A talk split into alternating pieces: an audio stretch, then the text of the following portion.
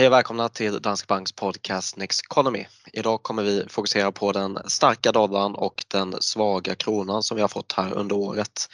Det är ämnet för dagen men innan det så har vi veckans Aktuellt som eh, den här veckan är rapportsäsongen som har dragit igång på allvar både i Sverige och i USA. Ja, och eh, den är ju faktiskt förvånansvärt bra. Eller det var väl förväntat att den skulle vara ganska bra men jag tycker att det här konjunkturstatistiken som tydligt visar att läget försämrats, den speglas ju eh, i väldigt liten grad skulle jag vilja säga i rapporterna som vi får in, även då från den konjunkturkänsliga industrin.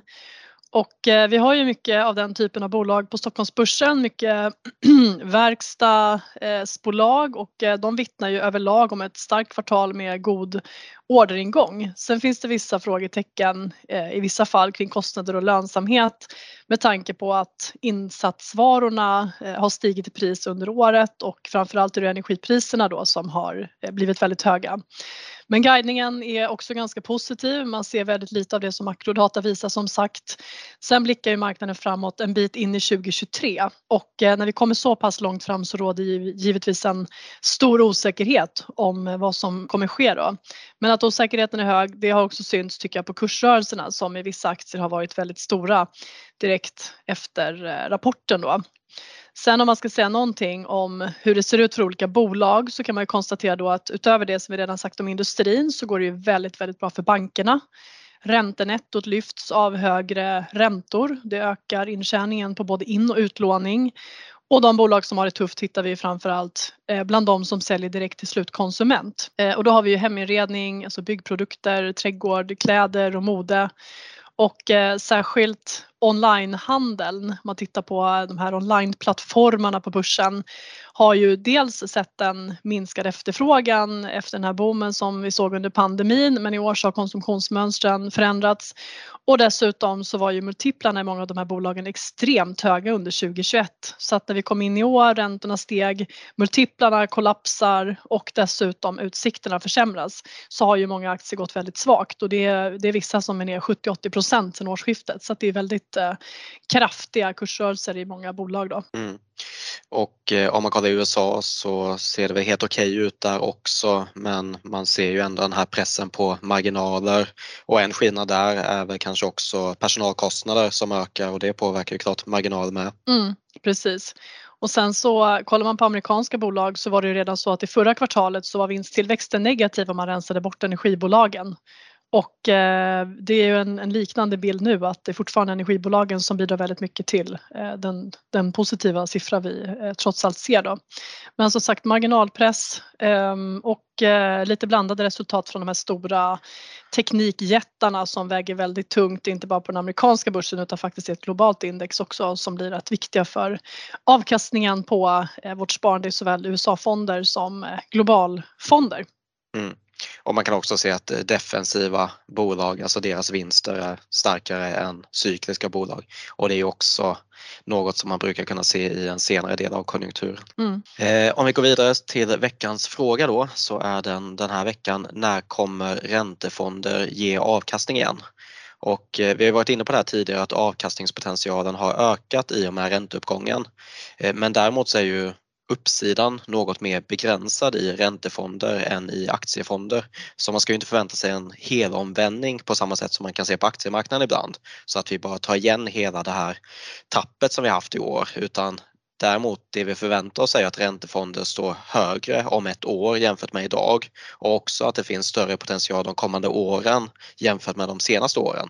Det är mm. snarare så man kanske ska tänka i dagsläget. Ja precis och eh, tittar man då på den allmänna räntenivån i ekonomin och eh, i räntefonder då så kan man ju se att den är betydligt högre än på länge och eh, vi har ju haft efter finanskrisen en lång period av låga räntor där vi under, under perioder haft både korta och långa räntor under noll eller åtminstone då strax över noll och det har ju inneburit att den förväntade avkastningen på många räntefonder har varit negativ eller möjligtvis svagt positiv då. Men idag så har ju räntenivåerna kommit upp och tittar man på svenska obligationsindex som består av både stats och bostadsobligationer så ligger de på drygt 3% oavsett om vi då tittar på korta eller långa löptider. Så att räntenivåerna har kommit upp Och eh, väljer man då att investera i en räntefond som också tar lite högre risk och investerar i eh, företagsobligationer så får man ju ytterligare eh, lite högre räntenivå så att då kanske man kan komma upp i 4-5 procent. Ehm, och det är ju faktiskt inte så illa, speciellt inte som sagt jämfört med hur det har sett ut de senaste åren. Sen så är ju precis som du säger en brasklapp att på börsen så kan vi ju se hur en nedgång eh, ganska snabbt kan hämtas igen men så funkar det inte riktigt på räntemarknaden utan det kommer ta lite tid att hämta tillbaka det som vi har tappat i år sannolikt.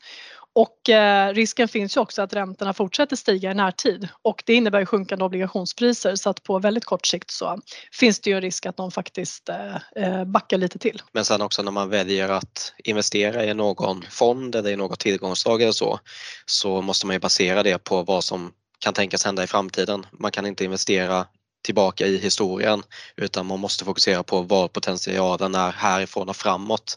För det blir, risken är att man kollar i portföljen och ser att räntedelen har gått så pass dåligt så man vill inte lägga in pengar där. Men det är som sagt, vad skapar det för, för förutsättningar framöver? Det är det som är det intressanta. Mm. Och vi har ju faktiskt en övervikt i statsobligationer eller lokala obligationer eh, rättare sagt i våra strategier. Eh, vi har en undervikt i aktier, vi har en övervikt i, i obligationer och inom obligationslag då så har vi fokus på eh, kvalitet och eh, stabilitet och eh, då är det lokala obligationer som vi har en övervikt i och även investment grade som också är eh, hög, eh, högre kvalitet och som väntas stå emot en eventuell konjunkturnedgång bättre än exempelvis high yield då, där vi har sämre kreditkvalitet bland bolagen. Mm. Och när det gäller det här lokala obligationer så är det ju OMRX Total Bond Index som vi har som benchmark där då. Så mm. det är stats och bostadsobligationer med något högre duration som vi har där. Precis. Bra, vi går vidare till dagens ämne som ju är eh, USDC kan man säga, den starka dollarn i år. Mest fokus på den men också den svaga kronan. Och eh, vi kan börja med att prata lite om vad som styr valutakurser. Det är ju flera olika saker. Vi har ju inflation, vi har eh, statsskuld kan vara en sak, vi har den ekonomiska utvecklingen och annat. Och, men den mm. saken som kanske är viktigast är ju räntan. Mm, precis, det, det viktigaste faktiskt tenderar att vara den relativa skillnaden i räntor mellan olika ekonomier och pratar vi då om dollar-SEK så handlar det om Sverige och USA då. Och eh, om man säger att det är ränteskillnaden som, som styr så låter det som att det kanske är ganska enkelt då, eh, att förutspå men så ser det normalt sett inte ut. Ehm, och eh, vad ränteskillnaden är, det beror ju väldigt mycket på den ekonomiska utvecklingen eh, i konjunkturen, det beror på inflation, eh, penningpolitik och så vidare. Så att det här är inte helt lätt att, att förutse då. Men ehm, om man tittar på vad som mer spelar roll förutom det relativa ränteläget så har vi också risksentiment till exempel. Och eh, då kan man ju se under kortare perioder när det händer väldigt mycket på, på börsen så tenderar det att stärka dollarn då därför att det blir kapitalflöden till säkra tillgångslag och det tenderar att gynna just eh, dollarn. Och i sådana perioder så förvandlas svenska kronan till en, en liten cyklisk valuta som internationellt kapital undviker vilket då bidrar till försvagningen då. Mm. Så att det finns eh, flera faktorer som är, är viktiga här och ja. Ehm, i olika perioder också styr olika mycket. Ja, och samtidigt det där då när man har en typ av safe haven, alltså för ekonomisk stabilitet är ju någonting som gynnas i perioder av svag ekonomi helt enkelt. Så eh, det kan man ju säga att dollarn steg under coronakrisen, investerare sökte sig till mer säkra valutor. Det här har ju hänt i år också. Så en stabil ekonomi locka till sig kapital i osäkra tider. Och samma sak då, högre ränta attraherar ju också mer utländskt kapital vilket gör att växelkursen stiger. Så det är ju flera faktorer som har gynnat eh, en starkare dollar. Mm. Sen finns det ju eh, politiska risker också som kan påverka. Och eh, det där eh, är ju kanske framförallt någonting som man kan se på tillväxtländer. Om man tittar på ett land som Turkiet till exempel där vi har sett extremt stora rörelser i i valutan de senaste åren. Men faktum är att man kan ju se det i betydligt större valutor också. Till exempel om vi pratar om euron då, sen när marknaden har oroat sig för samarbetet inom EU till exempel till följd av risk för att något land som Italien ska driva stora budgetunderskott så har det också tenderat att försvaga eh, euron då och samma sak Eh, hände ju med pundet tidigare i oktober när Storbritanniens nya regering lade då fram en, en budget som marknaden bedömde var extremt oansvarig med stora ofinansierade budgetunderskott och då föll pundet som en sten. Så att det kan man se.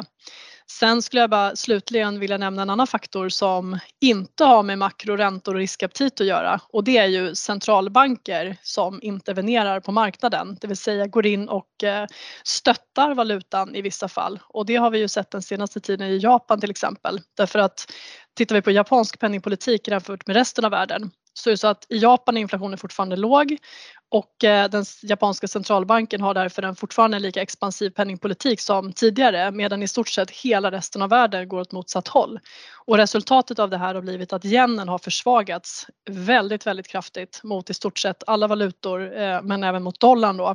Och det har gjort att den japanska, att man har stödköpt valuta helt enkelt mm. för att stötta yenkursen. Och det där är ju också, alltså sänker man räntan eller om man håller på med QE så ökar ju utbudet av pengar vilket också gör att priset på valutan sjunker. Så en expansiv penningpolitik kommer göra normalt sett då att eh, valutan sjunker i värde. Mm. Eh, vi ska gå vidare och prata om vad det här får för konsekvenser eh, och då med specifikt fokus på en svagare svensk krona och för det får ju flera konsekvenser, inte minst för oss som investerare men också för bolag. Mm. Och någonting som ofta nämns då det är ju de positiva valutaeffekterna som vi ser just på eh, industrin eller exportbolagens vinster då eh, man då när man räknar om eh, försäljningen i dollar och i euro till exempel till svenska kronor så blir vinsterna mer värda i SEK när kronan är svag. Man får fler kronor för varje dollar man har sålt i helt enkelt. Så att det här gör ju att en svag krona i praktiken blir lite grann av en stötdämpare för vinster och marginaler i dåliga tider för svenska bolag då. Och vi ser ju också nu under rapportsäsongen att valutan har gett en positiv effekt för många bolag.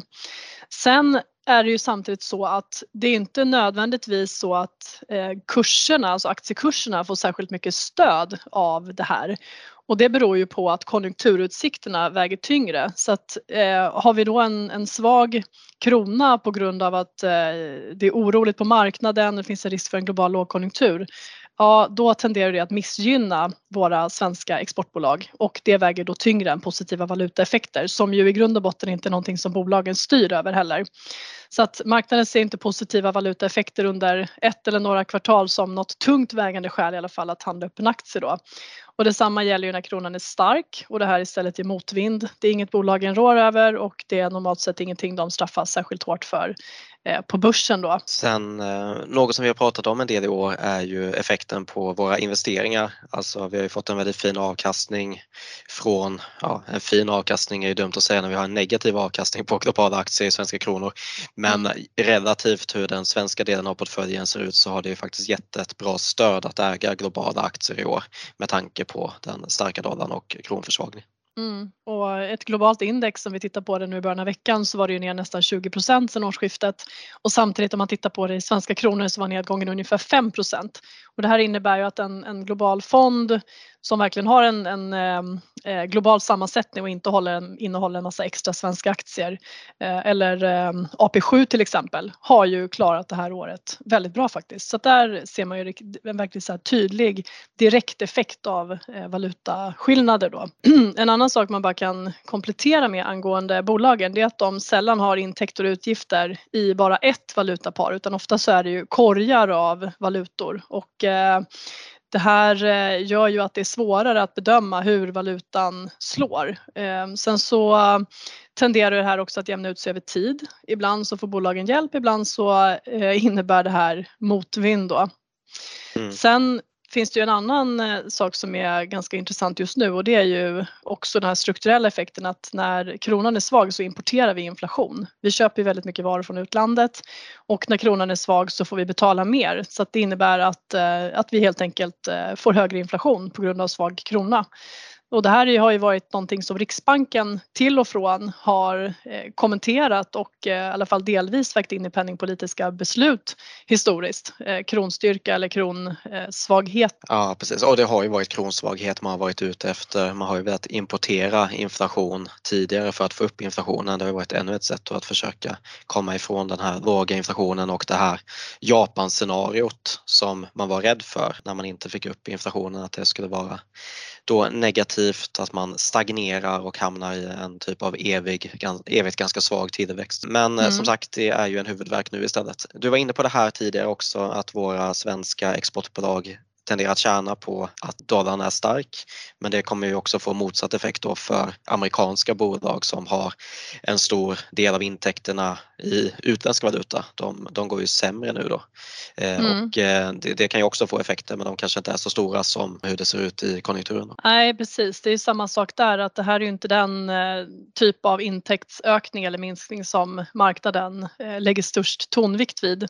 Men med det sagt så kan ju effekterna på intäkter och vinster vara ganska stora i perioder.